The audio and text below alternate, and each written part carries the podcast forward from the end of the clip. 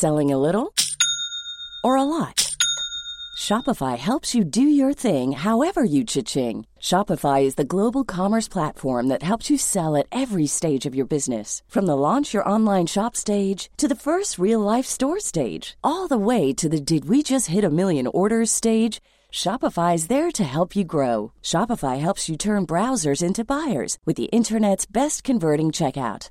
36% better on average compared to other leading commerce platforms because businesses that grow grow with Shopify. Get a $1 per month trial period at shopify.com/work. shopify.com/work. Hey, it's Ryan Reynolds and I'm here with Keith, co-star of my upcoming film If, only in theaters May 17th. Do you want to tell people the big news? All right, I'll do it. Sign up now and you'll get unlimited for $15 a month in six months of Paramount Plus Essential Plan on us. Mintmobile.com slash switch. Upfront payment of $45 equivalent to $15 per month. Unlimited over 40 gigabytes per month. Face lower speeds. Videos at 480p. Active Mint customers by 531.24 get six months of Paramount Plus Essential Plan. Auto renews after six months. Offer ends May 31st, 2024. Separate Paramount Plus registration required. Terms and conditions apply if rated PG. Hiring for your small business? If you're not looking for professionals on LinkedIn, you're looking in the wrong place. That's like looking for your car keys in a fish tank. LinkedIn helps you hire professionals you can't find anywhere else, even those who aren't actively searching for a new job but might be open to the perfect role. In a given month, over 70% of LinkedIn users don't even visit other leading job sites. So start looking in the right place. With LinkedIn, you can hire professionals like a professional. Post your free job on linkedin.com slash people today. Du lytter til en podcast fra TV2.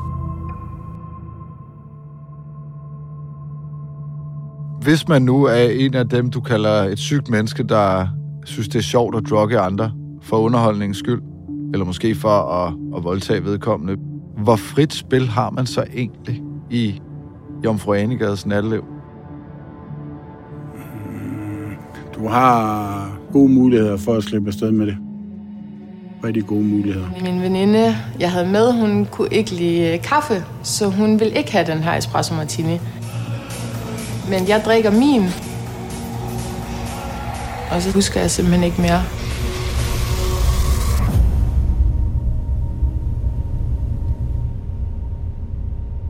Har du oplevet at blive drukket, eller har du mistanke om, at nogen har forsøgt at putte stoffer i din drink? Så er du ikke alene. TV2 Eko kan nu afsløre, at der i Jomfru Anegade i Aalborg eksisterer en kultur, hvor stofferne flyder, og nogle dørmænd vender det blinde øje til. I dag kan du møde en dørmand, der har gjort det til sin mission at skabe tryghed i nattelivet. Men hvad i alverden er det, der foregår i nattelivet i Danmark? Og skal vi være bange, når vi går i byen? Intensivlægen vurderede, at det var ketamin, jeg var blevet dopet med. Det er normalt noget, man bruger til at dope heste med. Og den dosis, jeg havde fået, var ekstremt høj. Det er dato i dag. Mit navn er Joachim Claus Høj Bindslev. Martin, hvorfor blev du egentlig dørmand? Mm, jeg var 1,96 høj, og vejer 110 kilo, dengang jeg var 17 år. så nej, altså, jeg har altid godt kunne lide miljøet, og startede som afrydder, ikke også, og, og kom så i døren bagefter, øh, på grund af min størrelse. Det her er Martin Bossen. Han er dørmand, ejer af sikkerhedsfirmaet BPS Security, og så har han stiftet Safe House, som er et sted, der forsøger at skabe tryghed i Omfru Anegade.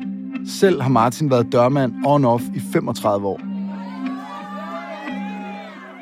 Hvordan er det egentlig at være dørmand i Omfru Anegade? Før stiftelsen af Safe House, der stod vi jo med alle problemerne selv, hvis man kan sige sådan. Øh, jeg har blandt andet siddet med en, øh, en ung gut, der falder ned fra anden sal, ned på nogle brosten, hvor han har en, en 18 cm flænge i baghovedet, som vi prøver at sætte og lappe sammen og holde styr på, inden der kommer en ambulance. Så i de 25 minutter, de to, der havde det sted, vi stod på, ingen dørmand, fordi vi var begge to aktiveret dernede. Det er jo så det, vi kan give videre til Safehouse nu. Vi går ned og så lige laver det først, og så kommer Safehouse-folkene så over til for os, så vi så kan komme op og passe for vores arbejde igen. Hvad har du oplevet af ændring de senere år i forhold til, hvad der foregår i Jomfru Anegade? Hvis vi bare tager her efter coronaen, så øh, de ændringer, der er i det, det er, at de unge drukkultur er blevet øh, hårdere. Den er blevet mere intensiv. Øh, det er ligesom om, de er gået glip af nogle år, og øh, de skal indhentes på rekordtid. Og så er der jo mange af dem, der ikke, som vi plejer at kalde det, har lært at gå i byen. De var måske 17 år, dengang corona lukkede det hele ned, og så er de der 19 år, når den så åbner igen. Så de har ikke fået det ind sådan stille og roligt. De er bare blevet kastet ud i det. Og så er der nogle ting, der skal indhentes. Og hvad betyder det for jeres arbejde som dørmænd? Det betyder, at vi har flere episoder med folk, der har fået for meget at drikke, og folk, der ja, har fået lidt til næsen, og måske også lidt for meget til næsen. Så vores arbejdsområde er faktisk meget, meget større og bliver meget mere krævende i forhold til, hvordan det var for ja, 10-15 år siden. TV2 Eko fortæller en ny dokumentar om drugging i nattelivet, altså det, at andre mennesker putter stoffer i dine drinks. Og de har Jomfru Anegade i Aalborg med som case, gaden som området også bliver kaldt. Jomfru Anegade er jo øh, cirka 150 meter brostensbelagt med øh, cirka 24 værtshusdiskoteker, der ligger i stueplaner på første sal, og det gør jo, at øh, det, man søger, er inden for et meget, meget begrænset område. Er man til hård rock, så ligger det et sted. Er man til blød pop, jamen, så er det andet sted. Og en god lørdag aften, der er der jo rigtig mange derinde. Og de står jo i kø ud for de forskellige steder for at komme ind, og der er det tætpakket under karneval, og sådan noget der, der er det ikke til at komme frem og tilbage. Julebryg, jamen der står gaden helt stille, og der kan man ikke bevæge sig frem og tilbage derinde. Martin, du åbner Safe House for et år siden. Hvornår opstår den her idé om at åbne det? Den opstår en, øh, en fire måneder før, hvor vi øh, begynder at gå og snakke om, at de unges drukvaner har ændret sig. Vi kunne mærke på pigerne, at de var ved at blive lidt mere utryg, også når de skulle hjem. To unge mennesker er forsvundet og efterlyst af politiet i Aalborg. De er begge forsvundet efter byture her i weekenden. Og derfor begyndte vi at snakke om, om, om vi kunne lave noget i et lokale tæt på Jomfru Anegade, hvor man ligesom kunne søge hen, hvis der var noget, man var nervøs overfor, eller have brug for noget tryghed, indtil man eventuelt kunne blive hentet eller, eller noget. Og ja, så, så det sker med, med Mia og Oliver. Kvinden er den 22-årige Mia Stævn her et overvågningsbillede fra Jomfru Anegade, som hun forlod klokken 6 natten mellem lørdag og søndag. Den 21-årige Oliver Lund er sidst set klokken 1 natten til fredag. Og så går det lige pludselig stærkt med at få det åbnet, og så beslutter vi os for at åbne det midt i Jomfru Anegade. Safe House åbner for et år siden og hjælper dørmændene med de problemer, de selv plejer at stå med.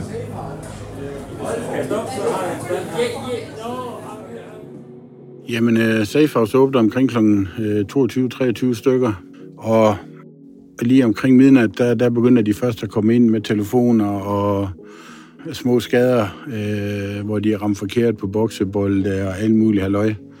Og alt efter, hvor mange nordmænd og svensker der er i byen, jamen, så kommer der også nogen ind allerede der, der har fået en del for mig at drikke. Hej Lars. Vi tager lige Kan du telefonen lige kigge? Hej. Hvem er du sammen med i byen? Kan vi ringe til en ven?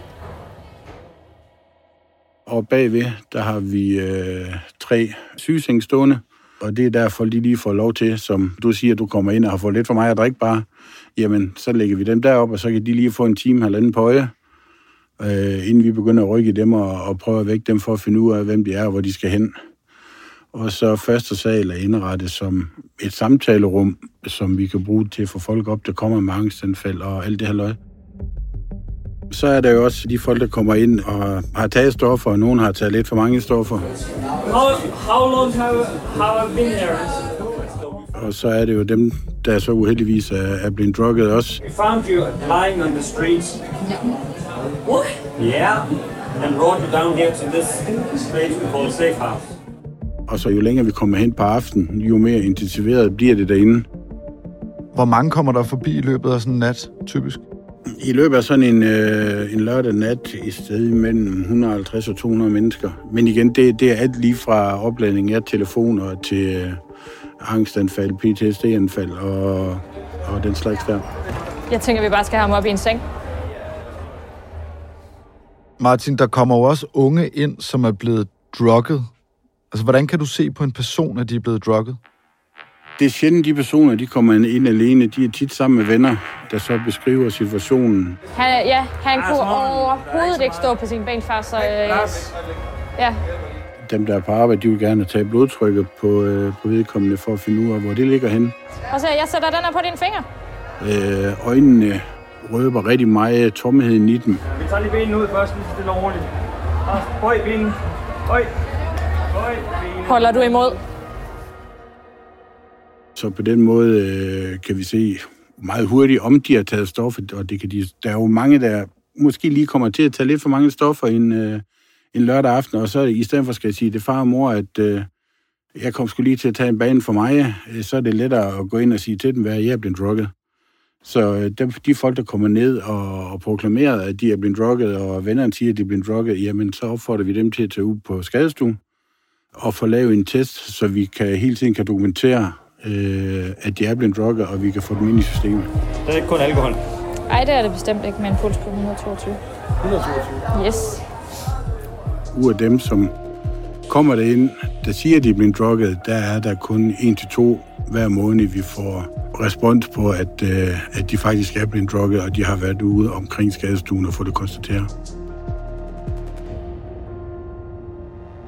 TV2 Eko har fået lavet en undersøgelse af megafon blandt danskere, som er mellem 18 og 35 år. Her mener hver femte person, at de enten har prøvet at blive drukket eller har mistanke om det. Vi har en episode for ikke så lang tid siden. En ung mand, der kommer ind og for at sige på godt jysk, han er helt slukket. Han er meget udreagerende og fægter med arm og ben, og vi kan bare se i øjnene, at der er ingen kontakt. Han følger ikke vejledningerne øh, fra det personale, der er på arbejde. Til sidst er de nødt til at kalde nogle dørmænd ned, og det ender med, at vi faktisk er nødt til at lægge den unge herre her i håndjern for at styre ham. Politiet de bliver tilkaldt af nogle gæster, fordi de synes, det ser noget voldsomt ud. De kommer, og vi prøver at forklare ham, at politiet tilkaldt, det er politiet, der overtager situationen nu. Og øh, han er ukontaktbar, så det første, han gør, det er at prøve at ikke ind i patienten af en skalle. Og til sidst er vi fire mand om at få ham ind i bilen.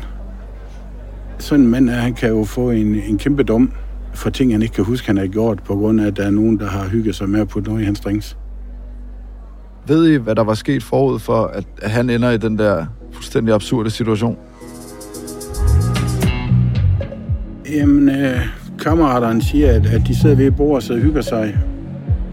Der kommer nogle piger hen, øh, går ud på dansegulvet og fester lidt og går tilbage. Og så på rekordtid, der går han fra at være en øh, rigtig, rigtig hyggelig fætter i rigtig god stemning til at være ja, ondskaben selv på to ben, hvis man kan sige sådan.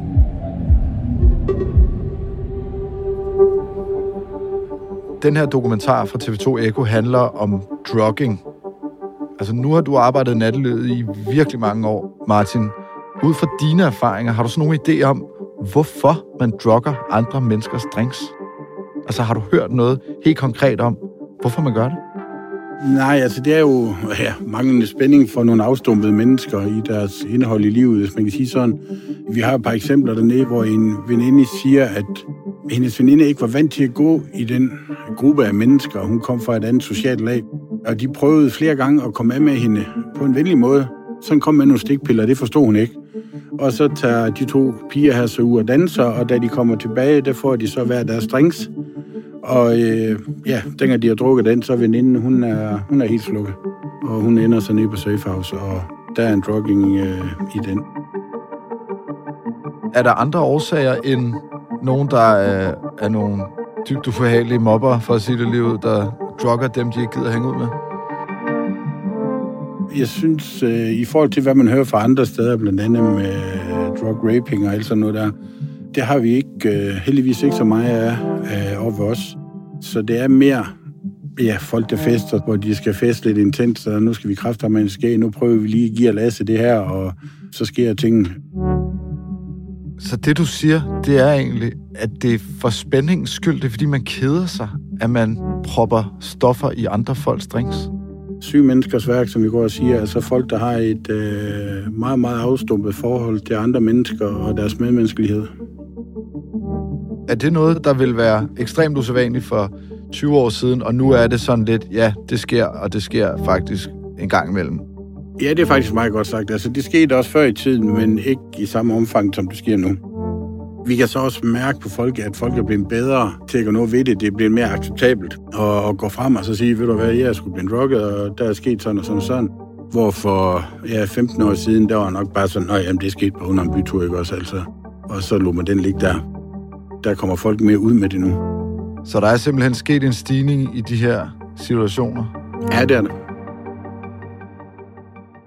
Har du en eller anden fornemmelse af, hvor stor den stigning har været, hvis man skal forstå det udefra? Nej, fordi det er lidt svært, fordi det kommer sådan lidt i bølger, hvis man kan sige sådan. Altså, vi kan godt have en, en to, tre, fire weekender, hvor der ikke rigtig sker noget derinde, og der ikke er nogen tilfælde, og så er det ligesom om, at ja, jeg ved ikke, hvordan man kan sige det, den forkerte gruppe mennesker i byen. Og så kommer der lige pludselig en øh, to-tre tilfælde ind på sådan en aften. Fordi vi ser jo tit, at det er fra de samme steder, man kan sige 90 procent af de folk, vi får ind, der er under mistanke for at være blevet drukket eller er drukket, jamen de kommer fra øh, ja, de samme to steder. Hvad foregår der der? Det, det er et miljø, hvor stofferne flyder, og det er legalt at tage dem. Vi arbejder med noget, der hedder restaurationsforbud og natlivszoneforbud og sådan noget der med folk, der ikke må være der. Det kan være voldsdom, det kan være narkodommer og alt muligt halløj, som faktisk slet ikke må være inde i gaden. De steder, de lukker stadigvæk dem ind, fordi der er god omsætning i at have dem og sådan noget. Så det, du siger, det er, at der er to steder i Jomfru Anegade, hvor der helt åbenlyst bliver taget stoffer. Folk bliver måske endda også drukket af nogle af de her stoffer, og nogle personer, som ikke må være der, de får lov til at være der. Ja, altså der bliver taget stoffer i hele Jomfru og der er ikke nogen af stederne, der kan sige sig fra, at der bliver taget stoffer ind på deres sted, fordi det er meget udbredt. Der er nogle af aktørerne derinde, der aktivt kæmper en kamp mod stofferne, og så er der de aktører, der siger, at omsætning den er også vigtig. Kan du sådan prøve at skære ud i pap? Altså, hvilken interesse har dørmændene på de her steder, hvor der er frit slag i bolddejen til at tage stoffer, i at lukke mænd?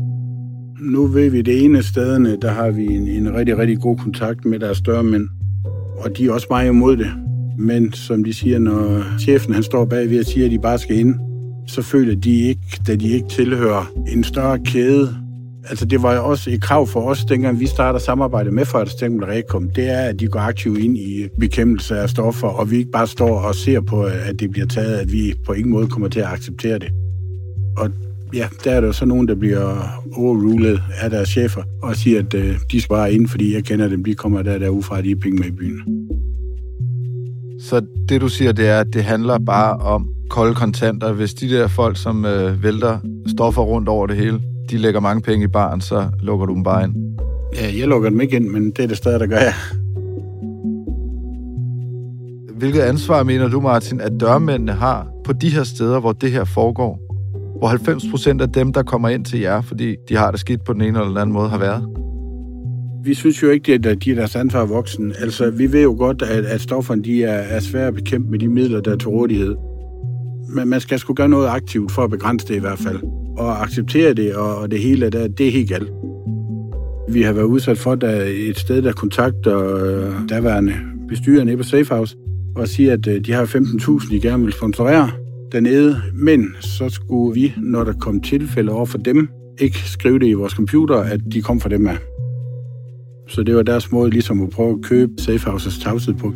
Og det blev der tak, øh, nej tak til med det samme fra daværende leders side af. Så jeres frivillige forening, Martin, bliver forsøgt bestukket med 15.000 kroner for at tige stille om, at der kommer folk, der er blevet drukket eller har taget for meget narko et specifikt sted? Ja. Hvad er det for et sted? Det kan jeg ikke sige, fordi så bryder helvede løs derinde. Martin Bossen ejer firmaet BPS Security. Her leger han dørvagter ud til Rekom, der ejer de fleste barer i Jomfru Anegade. Er det en generel attitude blandt dørmændene i gaden, at man vender det blinde øje til, hvis der er nogen, der står med noget kokain, eller MDMA, eller ketamin?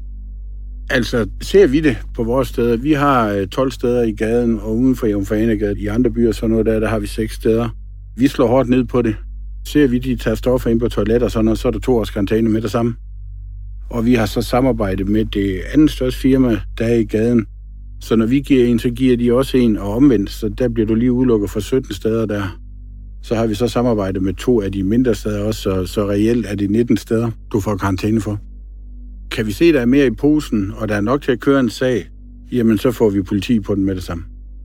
Jeg kan ikke lade være med at tænke på, om I Martin, hos Safehouse ikke er med til at tage ansvar for noget, som egentlig ikke er jeres ansvar. Altså det er noget, andre burde gøre noget ved af politikerne, altså på rådhuset, kommunen, politiet ikke mindst. Altså hvorfor tager I ansvar for det her? Jamen, nu, nogen skal jo gøre det. Og ja, det bliver så også, der tog den der. Kommunen er begyndt at komme ind i det med opbakning og det hele til Safehouse. Og ja, politiet, de kan jo kun gøre det, de kan for de midler, de får af højrestående øh, politikere. Så derfor er de jo også øh, ramt meget af besparinger der. Hvis man nu er en af dem, du kalder et sygt menneske, der synes, det er sjovt at drugge andre for underholdningens skyld, eller måske for at voldtage vedkommende, hvor frit spil har man så egentlig i Jomfru Anegades natteliv? Du har gode muligheder for at slippe afsted med det. Rigtig gode muligheder. Altså, vi skal ind og sige, hvor der er folk, der helt konkret kan sige, at det er på det her det tidspunkt, vi stod ved det her det bord. Det var her, lyset slukkede for vedkommende. Og kan de ikke gøre det, så er den saben godt nok sådan svær at finde. Og din forklaring er, at det er de her få steder, de brødne kar, hvor der så at sige er fri leg til den slags? Ja, og der er der jo overhovedet ingen opsyn derinde på de par steder der. Der er der jo bare fri leg. Altså, vi har jo episoder, hvor omkringliggende caféer og værtshus har set, at de mere eller mindre bare har båret folk ud og sat dem på dørtrin over på den modsatte side af vejen, hvor de har været helt sansløst fulde, eller ja, drukket og væk på stoffer. Nu er de bare væk fra dem af, så er det ikke deres ansvar mere, så må de sidde derovre. Hvordan kan det overhovedet ske, at de steder eksisterer? Hvis du kan sidde og fortælle mig det her. Ja, men det er jo... Der er ikke de ressourcer, der skal til til at forfølge det. Vi kunne godt tænke os en meget, meget hårdere linje fra kommunen, og de udsteder bevillinger, og at de på en helt anden måde kan gå ind og så også tage bevillingerne igen, hvis det er sådan, at, at sådan nogle af det sker gentagende gange. Hvis man nu er ung menneske, der skal op og fyre den af i Omfru Anegade, hvad skal man så gøre for at beskytte sig mod at blive drukket? Jamen altså, tag endelig op og hold en rigtig god fest. Det er der heldigvis øh, 99,99 procent af folk, der gør i gaden. Vi plejer at sige, lad være med at efterlade din drink i hvert fald. Det er et must. Det kan godt være, det er pisse irriterende, men har du lige bestilt den, så drik den færdig, inden du mener, du skal ud og øh, Europa dansegulvet. Det er faktisk øh, den aller, allerbedste måde, du kan beskytte øh, dig på. Og så igen det, hvis man er grupper, der sidder ved et bord, så når der altid sørger for, at der er folk, man stoler på 100%, der også er ved bord, der ligesom følger lidt med i, hvad der sker. Martin, du siger, der har været en stigning de senere år i de her tilfælde af drugging. Folk, der kommer ind hos jer, og den måde, de unge drikker sig stive på i dag, er vildere, end den var før corona, eksempelvis. Hvad er jeres forventninger til de kommende par år? Ja, de 17 steder, vi er derinde, der mere eller mindre arbejder sammen, vi gør jo et kæmpe arbejde for at forhindre det. Så min forventning er, at det vil være dalende, fordi der bliver gjort et kæmpe stykke arbejde for 95 procent af stederne, der er i gaden, for at komme alt det her til livs. Så det er samarbejde blandt dørmænd og, og alt muligt halvøjt, hvor vi får mere og mere frie hænder fra restauratørernes side af, når vi giver karantæne og alt sådan noget der. Altså. Så jeg forventer, at den vil være dalende. Det er mit brændende ønske i hvert fald. Martin Bossen, dørmand og chef for Safehouse i Jomfru Anegade. Tusind tak for din tid. Velbekomme. Du kan se programmet Drugget i nattelivet nu på TV2 Play. Dagens program er tilrettelagt af Rikke Romme og Charlotte Knudsen. Lyddesign af Ida Skovskov og Pauli Galskov. Redaktør er Astrid Louise Jensen. Og mit navn er Joachim Claus Høj Bindslev. Husk, at du altid kan finde flere afsnit af Dato, der hvor du hører din podcast.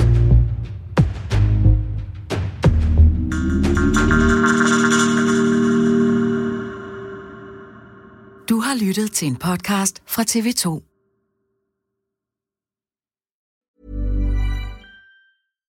Hi, I'm Daniel, founder of Pretty Litter. Cats and cat owners deserve better than any old-fashioned litter. That's why I teamed up with scientists and veterinarians to create Pretty Litter. Its innovative crystal formula has superior odor control and weighs up to 80% less than clay litter. Pretty Litter even monitors health by changing colors to help detect early signs of potential illness. It's the world's smartest kitty litter. Go to prettylitter.com and use code ACAST for 20% off your first order and a free cat toy. Terms and conditions apply. See site for details.